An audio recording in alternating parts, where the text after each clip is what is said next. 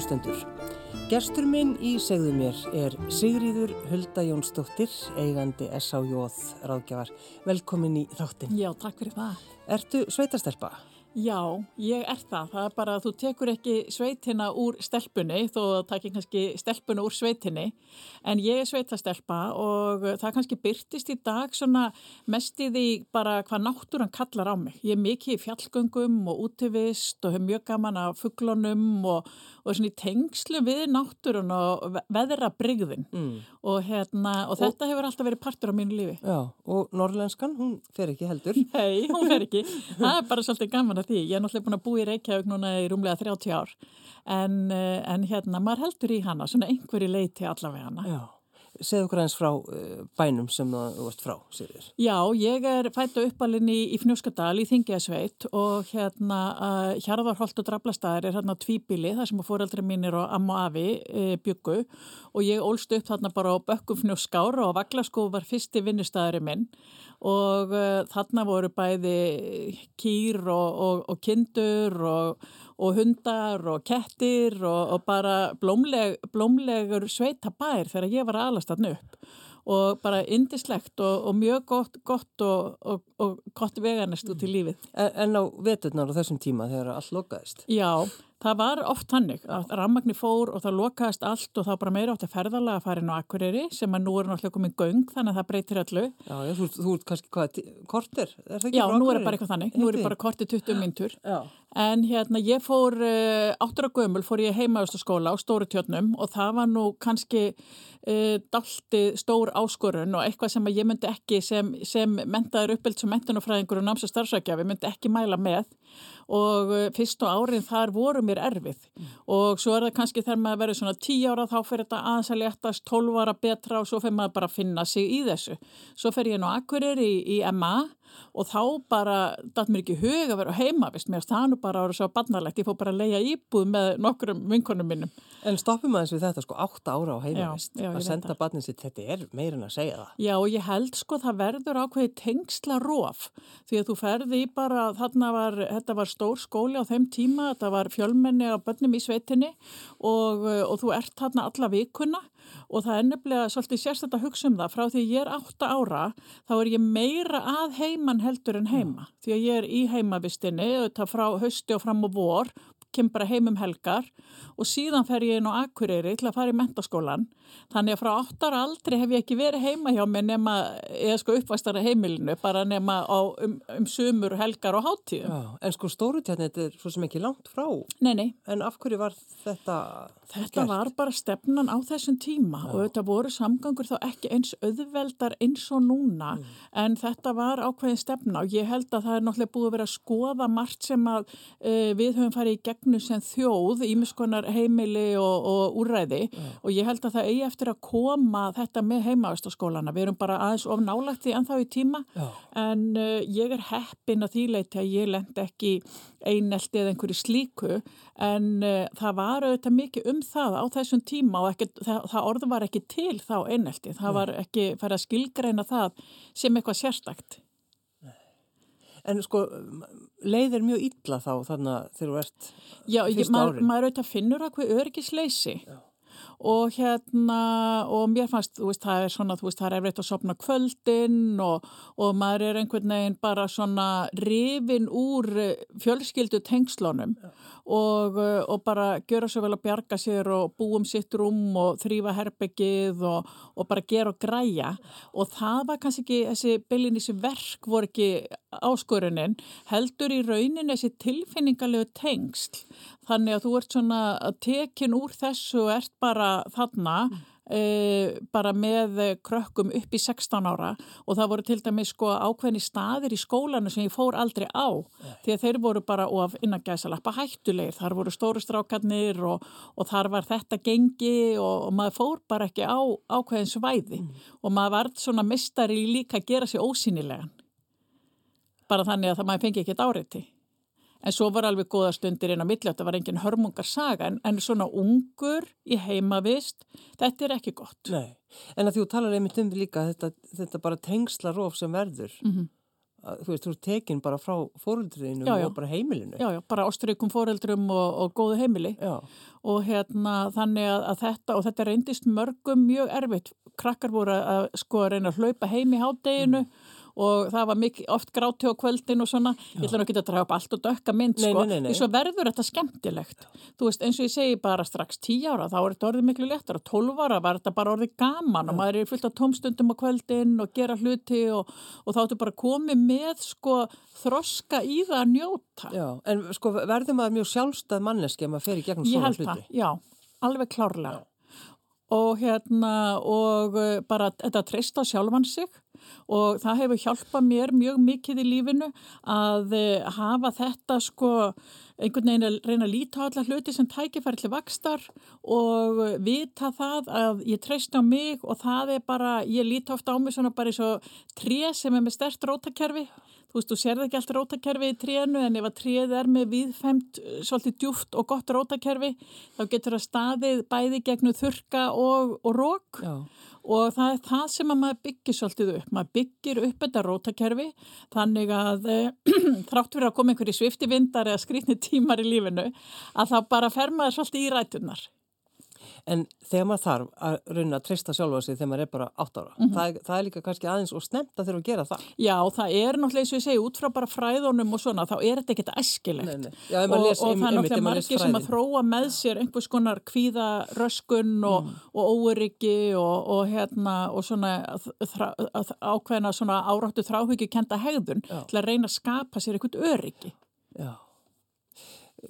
Manst eftir því að fóröldaðinni voru eitthvað að tala um þetta eða var þetta Já. bara svona... Já, þetta var og það var það, sko pappi og skólabílstjóri og þau ákvaðu það að sækja mig, þannig að þau fóru að keira mig og sækja mig og það var ekkert alltof vinsalt á þessum tíma að vera að gera það, en þau ákvaðu að gera það sem ég er náttúrulega bara mjög þakklátt fyrir.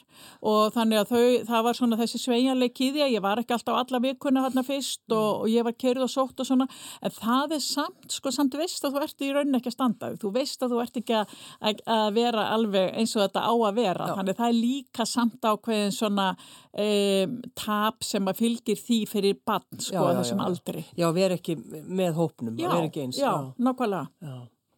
Þetta er, þetta er ótrúlegt. Já, þetta, er, þetta hefur ákveðin mótandi áhrif og þetta er svona, þetta er svona þessi þáttur að, eh, að vera einhvern veginn að setja þig í, í aðstöðu sem að eh, er ekki að skapa sko banni þau tengslu og það öryggi sem bara nöðsild er á sem aldrei. En Sigriður Hulda, þetta, er gert það þeirri manneski sem þú ert í dag, Nákvæmlega. eða hvað? Jú, jú, alveg klálega sko og, og það er auðvitað þannig að, að hérna að þú veist maður fer svona tilbaka eh, sko nær í þessa stelpu, þessa 8-9 ára stelpu og segir kannski svona við hana já ok, þú veist sérðu hvað við erum í dag sko, þú veist þetta hérna, allt er maður búin að að áorka og fara í gegnum og sem að bara býr til þrautsegju og, og þess að trúa einn getur sem að ég segi nú oft í mínu störfum í dag að, að það er bara algjörlega grunnur en að því að maður uh, nái að skapa verðmæti bæði í eigin sjálfströsti og bara í lífinu, Já, í því heillandi ævintýri sem það er. sjálfströst til Já, dæmis. já. Ég, ég hérna, nú vinn ég við það að vera með námskeið, fræðslu og stefnumótuna vinnu fyrir vinnustadi og stopnanir og uh, þetta er sjálfströst, þetta er bara nákvæmlega og fyrirtæki, það er að hafa tröst á sinni vöru og uh, því virði sem að það er að bjóða sínu viðskiptavinum upp á að þá þarf einstaklingur að hafa það tröst á sér að maður geti skapað eitthvað sem að munar um og skipti máli Já. og uh, ég skilgrein alltaf orðið sjálfströst sko sem bara tröst á sjálfum sér, tröst á því að hvað sem kemur upp þá getur þú einhvern með tekist á við það og partur af því kannski að þú veist og hefur bakland eða einhver bjargráði því og uh, þannig að þetta bæði með sjálfsvirði og sjálfströst að þetta gengur bara jæmt á fyrirtæki sem einstaklinga. Og fyrirtækin verða svo þetta það sem einstaklingarnir skapa. En þegar þú, að þú ert að vinna bara hjá semst, fyrirtækjum, þú ert kölluð til er það ekki, til þess að halda alls konar námskeið og, Já. og, og allt, allt svo leiðis. Eh, hefur þú sjálf, segir þau hulda, þurft sko að vinna sko, skoða sjálfa þig og, og vera alveg, þú veist, nákvæmlega einhvern veginn um bara þín lífsgildi og lífsmotto. Já, bara gaman að skuli spyrja þessu því að, að sko, ég held að það sé bara algjör grundvallar forsenda fyrir þar maður er í svona vinnu, bara Já. eins og sálfræðingar og fleiri að, og það er náttúrulega partur af náminu sem ég hef verið í, ég er með masterskráðu náms og starfsræðgjöfa MBA gráðu og ákveðin sjálfskoðin er partur af þessu námi og, og bara alltaf þegar maður er að fara í gegnum hlutina að þá er maður einhvern veginn líka e, búin að skoða það gagva sjálfum sér. Og það er nú svo, hérna, fyndi að sko stundum her ég er að tala á svona námskeiðum þá hugsa ég svona, já, hlustaðu nú á sjálfa Já, þig. Já, er og það er til dæmis er ég að tala um jafnvægi. Að sko til að ná árangri og velíðan, þá verður að vera eitthvað jafnvægi. Já, og hérna er það að tala um bara í bara lífinu jafnvægi í bara bæði í sko uh, þessum grunn orkugjöfum okkar eins og bara svefn og álag uh, reyfing og kvíld Mhm. og hérna og mataræðið og félagskapurinn og einvera og allt þetta þarf að vera þessu öllu. Já, og uh, ef við keirum eitt og fa- fast sko þá dettur eitthvað annað út. Ef að til dæmis maður er með rosalega fullkomnun áratu og vinnur rosalega mikið lengi þá fer sköpunarkrafturinn úr manni og það fer gleðin og dýnamikinn fer úr manni og samskiptin fara að vera erfið og þú fer að rekast á veggi og, og þetta gerist oft til dæmis þegar fólk er að fara í kulnun. Að það er búið að tæma úr sér kannski mýktun og dýnamikinn að maður bara breyti sér í einhverja vél. Og uh, þannig að þetta er svo áhugavert og, og ég segi ofta sko að það eru ymsi þætti sem er talað um að séu eftirsóknarverðir, eftirsóknarverðir í atvinnulífin í dag. Já, og það er til dæmis ekkert sem kemur eins oft fyrir í atvinnuauglýsingum á Íslandi dag eins og samskiptaferðni já, að viðkomandi þurfa að hafa mikla samskiptaferðni og hérna og það er náttúrulega eitt af því að skoða hana fyrir að tala um þessa sjálfskoðun sem er fólkin í því að vera að vinna með svona hluti að það er fátt sem að getur auðveldamanni lífið eins mikið, hvort sem að það er inn á vinnustad eða bara í fjölskyldu eða bara í, í búðinni, hver sem er. Það er eins og að eh, vera alltaf að pæla í bara þeim tækjum sem maður notar í samskiptafærni og takk ekki sem sjálf gefið einhvern veginn að maður sé einhvern veginn. Ef fólk segir ég er bara svona, þá segir ég að þú ert bara að meina að þú nennir ekki að takast á sjálfa, þú nennir ekki að breyta því. En þetta er náttúrulega mjög góð setning, ég er bara svona, þegar Já. maður er kannski komin alveg út í hotn. Þetta er í rauninni bara að segja, ég eh, ætla, ég ætla bara að, vera áfram svona og ég nenni ekki að takast á við það. Þetta er bara að, þetta er bara að fyrra sig algjörlega, ábyrg. og það, það er náttúrulega líka þá að hafna vakstar tækifærum því að þú veist, auðvitað er maður bara því betur, þá bara margt sem að ég til dæmis núna um, get hækkað flugið yfir í lífinu.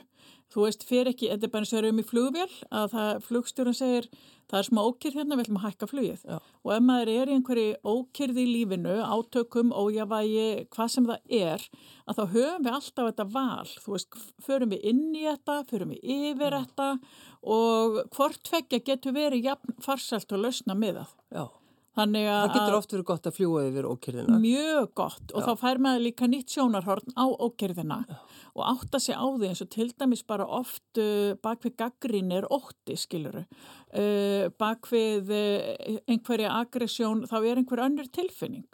Og það er þetta svona að, að uh, já, horfa eins lengra heldur en kannski á það augljósa. Já. Þannig að þú ert búin að skoða þig alveg bara, Sigur Hulda. það það er bara hvað ég að segja, það er bara síkvikt uh, verkefni og, og kannski ekki beintu verkefni heldur bara svona, já, bara ævintýri sem er bara svo skemmtilegt Já. og það er svo mikill léttir í því að hugsa ég ætla ekki lengur að láta þetta áhrif á mig, ég ætla bara að gefa mig frelsi frá þessu. En getur maður bara, ef maður er komin einhvern stað og maður vil bara breyta einhvern veginn sínum lífsskildum, getur maður það? Já, maður getur það. Það er samt sko, þetta er bara, hugsaðu bara, þú ætlar að breyta einhverju í fataskápniðunum, þú ætlar að breyta lífsskildum, það þarf eitthvað að fara út og eitthvað nýtt að koma inn. Já. En uh, alltaf þegar við erum að breyta einhverju sem er hugrænt fyrir okkur eða í okkar vana kerfi, að þá tekur það tíma og við þurfum mikla staðfestu til þess að gera það. Þetta er eins og með hugsanir. Ég, ég segi stundum, sko, við finnum öll að það sem við borðum og drekkum hefur áhrif á líðan okkar og með miklu kröftugri hætti hafa hugsanir áhrif á líðan okkar. Og uh, ég segi stundum þetta sé eins og herðatri hugans. Í fataskápnum okkar flestra er einhverja flíkur sem er ekki lengur að þjón okkur því að við bara notum þær ekki eða þær taka plásatna, þrengjað öðru. Mm. og það er sama með hugsanirnar í höfðin okkar að við erum með þarna herðatri fyrir hugsanir og við þurfum svolítið að flokka hvaða hugsanir er ekki að gefa með tækifæri er ekki að skapa öryggi. En það er svo erfitt að sleppa þau? Já, það er erfitt, en það er hægt að gera það eins og það er stundum erfitt að sleppa kjólnum Reyndar. sem að maður að goða minninga við en hann er ekki lengur uh, að þjóna mér. Nei, nei. En það, maður, það, þetta tekur tíma og það er oft sagt að það takir svona, uh, mér er alltaf svona svolítið páokakulegt að maður segir þetta, en það tekur allavega svona þrjáru vikur að breyta vana og svo náttúrulega lengri tíma en til dæmis... Það er búið að rannsaka það? Já, það er búið að rannsaka það og ef að til dæmis bara einhver sem ekki nota tannþráð, allar nota tannþráðu hversin sem að tampusta sig, mm. þá þarf hann að hafa hann við hliðin og tampusta hann við þrjáru vikur, Já. því annars bara glemir að því. Eftir þrjáru vikur þá fyrir kannski að leita tannþráðinum. Þetta er samið og allar að fara reglulega út að ganga. Fyrstu þrjár vikurnar eru örfiðastar, það er vond viður í forstofinni, maður upplifir það, mm -hmm. maður er hérna, hérna, erfið, erfitt að koma sér að stað, en svo fyrir þetta kalla á mann að því að maður er búin að koma því inn í rútínuna, búin að koma því inn í venjurna sinnar. Já, já. Það er eins með hugsanir og maður bara byrja á einni hugsun og hugsa þetta er einhver gömul hugsun sem maður er að fylgja mér. Hún er ekki að gefa mér tækifæri, hún er ekki að skapa mér gleði og öryggi. Ég myndi ekki vilja taka þessa hugsun og gefa barninu mínu einhverju sem ég elska og segja mendu þið á þetta, nota þessa hugsun. Við notum hugsanir mm. og bara hugsa hversin sem hún kemur í hugan þá ætlum ég bara að mæta henn og segja, já, einmitt þessi hugsun, ég kannast við henn að ég er hægt að nota hana. Ég ætla ekki að fara inn í þennan skugga. Og svona bara fjarlægist hugsunin hægt og rólega. Og þetta gerir á ákveðinu námskeiðum hjá mér, þá skrifar fólk niður hugsun og uh, síðan bara sko krótum við yfir hann og rífum hann og hendum henni. Bara einhver, einhver hugsun, bara eitthvað sem já, já, þú, að. Hver og einn velur sér neikvæða niðurrífandi hugsun sem að viðkomandi er stundum að dvelja við og við svörum henni svo með nýri hugsun Já. þar sem að þú ert að skipta út hugsunum bara eins og skiptur út kjólnum mm. og sko þetta er þetta ekkit þó ég sé með þessa samlíkingu þá er sko náttúrulega flóknasta verkefni er að takast á að sjálfa sig og, og það er mjög segt að breyta eigin hugsunum en það er vel hægt en það þarf ákvörðun og það þarf ákvörðuna staðfestu Sko, ertu alltaf að pæla í þessu? E, nei, ég er kannski ekki alltaf að pæla í þessu en eh, ég er mjög uh, staðfest í því að, að sko njóta lífsins alltaf eins og vel eins og hvert tímabil og tækifæri gefa manni mm -hmm. og að festast ekki í uh, sko einhverju svona að vera að horfi baksinn í speilin eða, eða vera einhvern megin að eh, festast í einhverju neikvæðu mm. og ég bara segja það alveg, ég er ekki föst í einhverjum neikvæðum hugsunum Nei. og mér hefur tekist að reynsa það út, þú veist, auðvitað kemur alveg upp eitthvað, kemur upp alls konar bara, þú veist, við erum allt mannleg já, já. En, en ég er ekki að festa mig í einhverju svona mm. En þegar þú ert, því, þú veist, þú er búin að nefna að þú ert ferð inn á fyrirtæki og alls konar vinnusvæði en svo hefur þú líka verið í virk mm -hmm. og það er akkurat, þú veist, þar gerist nú, gerast nú galdratni þegar að fólk Nákvæmlega. Það er bara hjálp. Já, já, ég er náttúrulega eins og segir, ég er mest í því að fara inn, í, inn á vinnustæðinu, fyrirtækjastofnanir og vera með fræðslu mm. og vinna með þeim. Síðan er ég með námskeið fyrir fólk sem er hjá virk og ég er með tvö námskeið þar, annars vegar er það e, trú og, og þekking og einn styrkleikum og getu og hins vegar er það svona hagnit vinnusmiða fyrir atvinnuleitiða nám. Og, e, og þetta er svona svolítið námsrækjafa hjartað í mér að vera með þarna. Og það sem að ég alveg elska í mínu starfi, það er ef ég næja snerta við fólki og, eh, og fá það til að bara lita dýpri litum bara sín tækifæri, sína styrkleika og, eh, og bara hafa virkilega trú á eigin tækifærum og skapa þau. Já. Og fólk sem að, nú er ég búin að vera með síðastliðin ár, uh, ef við te tekað saman, sko, mörg hundru manns frá virka á, á námskeiðum, mm. uh, sko, mjög flott, hæfileikaríkt, frábært, framúrskarandi fólk. Og uh, þetta er eitt af því sem við sem samfélag þurfum átt okkur á að er oft partur af þessum hraða og, og þessum svona vinnumiðaða umhverfi að það komið þar aðstæður í lífi fólks að þarf að taka sér hlið, staldra við, stíg út á hlaupabrettinu mm -hmm. og setja fókusin á sjálfa sig og færi þess að sjálfsu vinnu og það er floknast og mest krefendi vinnan sem að hægt er að vera í já, já. og ég tek bara ofan hattin fyrir þessum einstaklingum í virk sem að fara í gegnum þetta og það geta verið mjög mismunandi ástæður að baki og, eh, og stíga bara aftur inn helmikið sterkari og meðvittari. Já. Það er bara frábært. Þú talar reynd um þetta sko skilgreina virði okkar. Mm -hmm. Tölum aðeins um það. Já, það er, við erum náttúrulega allt í vinnu miðu þjóð, Íslendingar mm. og ég maður þegar ég var alast upp að uh, maður fekk bara eins og við þekkjum held ég öll mest hrós fyrir dugnað já, já. og það var bara flott að vera í skóla og vinnu með og vera í tveimu vinnum og allt þetta og hérna og við tókum eða tökum svo mikið uh, okkar virði, okkar sjálfsmynd í gegnum vinnuna já, og þetta er oft fyrsta spurningi, hvað er þú að gera? Við höfum alltaf gert þetta. Já, nákvæmlega og, eh, og þess vegna þegar maður gerir þetta þá verður fallið svo stort þegar að eh, þú þarfst að stoppa í einhverju vinnu eða þú missi vinnuna eða, eða eitthvað gengur ekki upp. Ef maður er að taka egoið sitt, sjálfsörgi sitt, virði sitt í gegnum það þá er það svo brotætt Já. og það er það sem við erum mikið að vinna með í námskeiðinu hjá virk að taka æðra hafa eitthvað æðra virði heldur en þetta þú veist, hvaða manneska ertu, hvernig, hvernig kemur þú fram við aðra, hvernig fyrirmynd ertu, uh, hvaða, hva, hvað er það, sko, hvernig þú lifir og hvernig þú tekst á við svona áskoranir, hvernig er að vera nálagtir og allt þetta. Þetta er í rauninni miklu meira æðra gildi okkar heldur en verkefni sem eru tímabundin í lífin og eru auðvitað líka mikilvæg. Mm. hvernig erstu? Nálagtir, já, þetta er skemmtilegt. Já, hvernig áhrif hefur þau e, í kringum þig? Já, já, já. Og þetta, þetta er allt svona partur líka af þessum vennjum okkar og hvernig við þróum okkur sem mannesku. Mm. Og, og þetta er bara í rauninni hefði sanna virði. Mm. og þú veist, ég þekki, þekki ekki fólk sem er orðið, þú veist, fullorðið áttrætt og segir sko ég vildi hefði unni meira. En samtörum við mjög upptekinn að því mjög lengi og mjög mikið og þetta þarf auðvitað alltaf að vera bara í ákveðinu jafnvægi, það er þetta, þetta blessaða jafnvægi sem að mhm. skipta svo miklu máli. En svo varst að nefna hérna fyrr sko, Já. en svo er líka, veist, þessi setning, þú veist, þú ert svo dögleg, mm -hmm. þetta hefur verið svolítið svona umræðinu, sérstaklega feministar hafa svolítið verið að nefna þetta, mm -hmm. alltaf að tala um konur, æð, hún er svo dögleg, mm -hmm. það er svo döglegar, mhm. þetta er svo...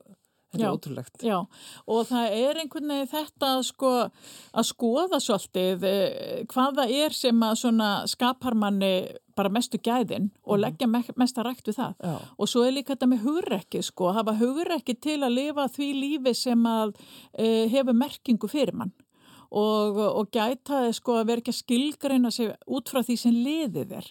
Það er líka, mér finnst sko að við þurfum svolítið að, að gæta þess að stundum er bara komið nóga einhverju. Maður er búin að vera ákveði lengi búsettur einhver staðar eða í einhverju starfi eða eitthvað mm. og, hérna, og hvernig sem það enda þá kannski bara komið nóga af þessum kabla Já. og uh, við erum alltaf að horfa áfram og, og skoða hvernig, ég segja átt sko að að einn svona staðsta listin í lífin er að það er eitthvað sem að ogna manni, maður fer í gegnum lífsreynslu sem að skapar óöryggi eða vonbrið eða sorg eða eftirsjá sem er allt svona reyði, mm. eh, eðlilega tilfinningar sem taka samt mikla orku og taka svolítið frámanni kannski lífsneistan tímabundið en er að fólk nær sko í staðin fyrir eitthvað sér ógnandi eins og krumla einhvern veginn yfir þér að þá náur það að setja þessa lífsreynslu undir þig sem eitthvað plattformi að tröppu til að standa á og eins og við vorum að tala um heima þessu skóla henni hérna byrjun Já. að hugsa kannski ok, ég fór í gegnum þetta og þetta tilherir núna fortíðinni en þú veist ég stend á þessu og þetta í raunni hækkar mig og gerir mig þar með víðsýtni og, og þrautsegari og, og að þá auka þetta tröst mitt á mér, þetta, þetta blessa sjálfströst. Já, já, já, já. En, en eh, það að því við erum líka svo ofta einmitt að pæli því sem liður mm -hmm. og komist ekki mm -hmm. áfram. Mm -hmm. Og það, er, það getur bara verið ákveðin hindrun, þetta er bara eins og þetta er fjallgöng og bakbókin er bara allt og þungur já, já, já. að þá bara kemst ekki næstu skref áfram því að við þurfum svolítið að skoða það hvað það er sem við erum með í bakbókanum og þetta finnum að líka gegnum vinnustadi að þegar fólk er kannski að byrja á nýjum vinnustad og það er með einhverja e, neikvæða samskipta reynslu til dæmis eða ekki nægt tröst á sjálfu sér til að læra eitthvað nýtt eða takast á breytingar sem eru mjög mikilvægir fernithættir í atvinna á 2001. aldinni að, eh, að þá getur þessi baksinni speil og þessi gamla mynd af þér mm -hmm. bara verið heftandi og það er oft sko uh, kannski, þú veist, svona var ég fyrir eitthvað og svona er ég núna og, og, og það er ákveð frelsi sem það þarf að gefa manni að þroskast og breytast. Já, já. En að þú nefnir mitt færni á 2001. öldinni. Já. Ertu með námskeið í tengslu við það? Já, ég er með námskeið í tengslu við það og flest námskeiðin minn tengjast eitthvað þessum þáttum. Já. Þetta er sko jákvæð vinnustæðamenning, þetta er liðshildin, þetta er samskiptafærni, vera lausna miðaður, geta tekist á við breytingar, eh, efla með þessu þrautsegi og þessi þættir mm -hmm. og ef að það er eh, vinnustæðamenningin í jákvæða vinnustæð, það er liðsheld og hlutverk eru skýr og það er eh, þetta jákvæða andrumsloft að þá verða verkefni bara miklu auðveldari og flæði og samstarfi og milli og skilvirkni verður betri. Já, já. og þannig skapastu þetta verðmæti. Og þetta finnum við sko þegar fyrirtæki eru svona virkilega að leggja áherslu á þetta þá finnum við það sem viðskiptavinni þegar við komum inn eða erum að skipta eitthvað við þessi fyrirtæki að við finnum alveg hvernig streymið er og það laðar okkur að að koma aftur og aftur. Nákvæmlega bara eins og andrúsloft á heimili að þú, sumstaði finnst þið gott að ganga inn því andrúsloftið er, uh, það er eitthvað öryggi, það er einhver kærleikur og svona, en á öðrum stöðum gengur kannski inn og það er spenna og það er óljós hvað er að fara að gerast og þar líður mann ekki vel. Þannig að fyrirtæki þurfa á sama hátt að huga að þessari vinnustæðamenningu og viðmótinu og hvernig allt þarf að ganga eins og þessi smurða keðja. Mm. En ég að hugsaður fyrir einhverjum árum, áratögum, þegar það var aldrei pælt í neinu svona í sambandi við bara fyrirtæki. Akkurat, og vinnustæði. Þetta var bara, já, já, það var ekki drægt. Og þá var líka meira um störf sem að fólk gætt unnið á þess að vera í samskiptum. Mm -hmm. Nú erum við, nú er teknis svolítið búin að taka þau störf yfir og við erum farin að, sko, fyrir að reyna meira á samskipti í mörgum störfum og við erum líka farin að gera miklu meiri kröfur um samskipti. Og við kannski munum eftir því að maður mætti og maður byrjaði að hugsa hvernig einhver væri í skapinu í dag, hvernig ætli líka honum með henni, ætla hann að býða. Já, já. Þetta er ekkert, sko, þetta er ekkert samþygt í dag. Nei, nei. Þú bara verður að koma og geta verið í ákveðinu viðmóti og, og setja þig í það. Já. En þessi eh, námskeið sem þú heldur fyrir fyrirtæki og vinnu, vinnu, já, vinnustæði, uh, fólk getur nýtt sér þetta í rauninni kannski bara í lífinu. Já, algjörlega. Og sko, það er eins og bara, hérna, ég er að fara til Ísafjörður á eftir og halda námskeið þar mm.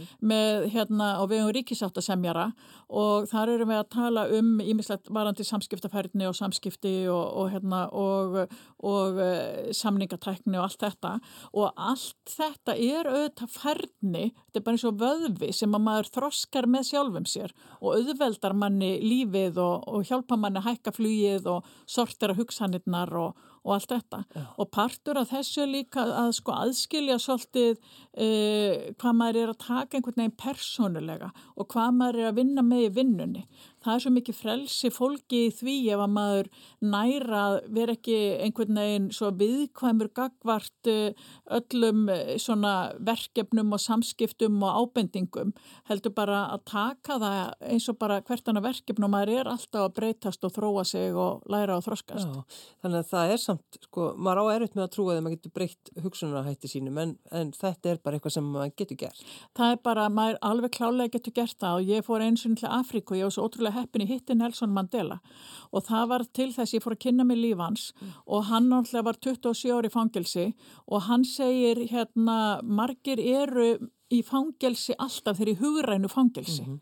Það er fólk sem er ekkit inn í fangelsi, bara fólk eins og við, en það er í hugrænu fangelsi að því að það er með hugsanir sínar, fangnar í neikvæðum spíral og uh, þetta er bara pínu sem að vera með of dökk sólkleru og þú bara sér allt í gegnum þetta. Og þetta verður svo þetta verður svo erfitt. Mm. og það er líka þetta þegar maður er fastur í einhvern veginn tókstreit eða, eða óvissu fortíðarinnar eða gengum með einhvern svona sár í rauninni sem eru einhvern veginn alltaf alltaf að, að svona alltaf opinn og þetta gerir fólki svo erfitt fyrir og mér finnst líka því við vorum að nefna sko einstaklingar sem eru að fara í gegnum virk sem mhm. eru hérna alveg bara ég er búin að kynast gríðarlega mikið af sterku flottu fólki þar og þar er það þessi kunsk og hvernig skilgreinur þig að það er ímislega sem að þú ferði gegnum í lífun og ferði gegnum veikendi skilnað, uppsagnir hitt og þetta kulnun mm -hmm. en þú ert ekki kulnunin eða veikendin það er bara eitt, eitt partur af verkefnunu sem að það fer í gegnum í lífinu. Og það er en fólk gleymir því kannski já stundum, já. það fer einhvern veginn að skilgreina að, að maður þurfa að sko gæta þess að maður skilgreini sér ekki sem áskorunina mm, en áskorunin er partur af verkefnunu sem ég er að takast á við. Já.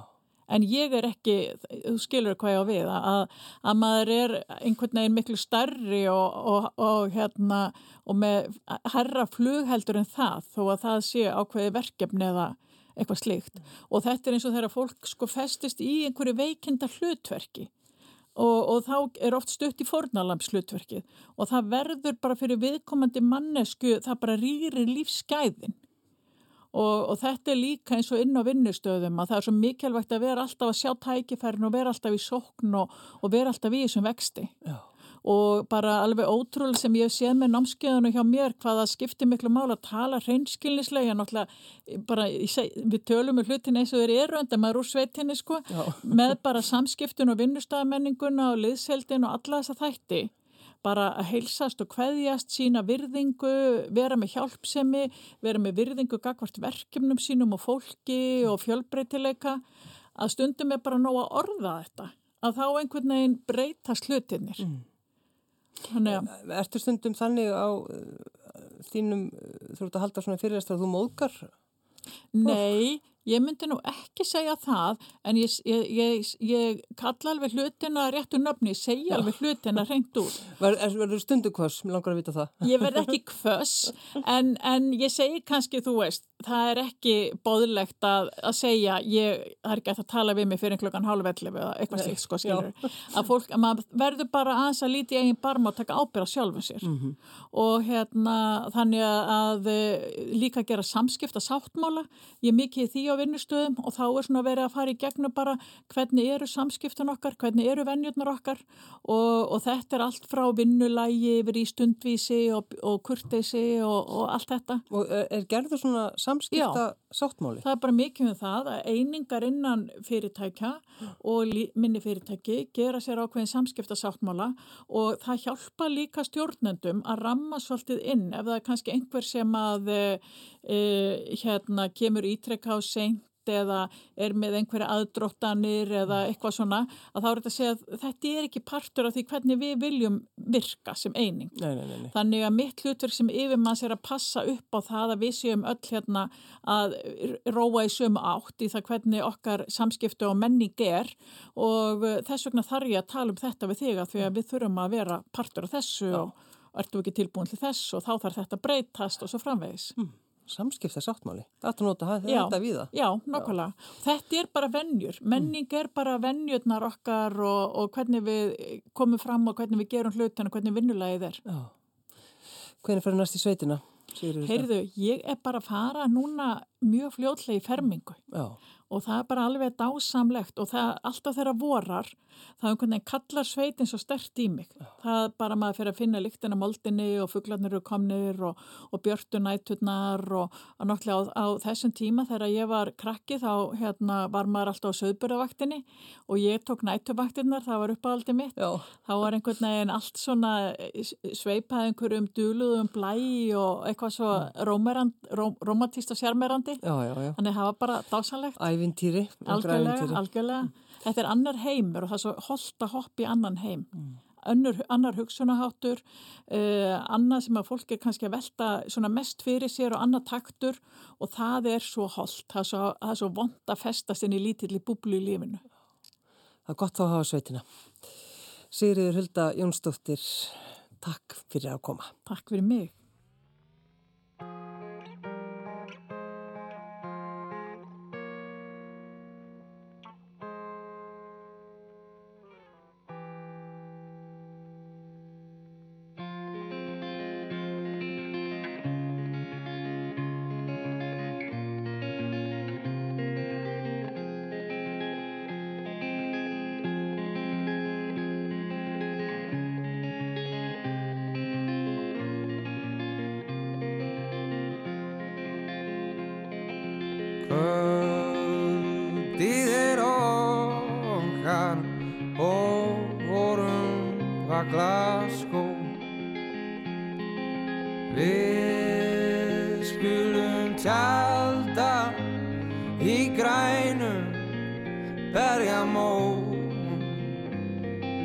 Leytum með vínum í lundin frá í gær. Lindin þar niðar og virkir Ísland græn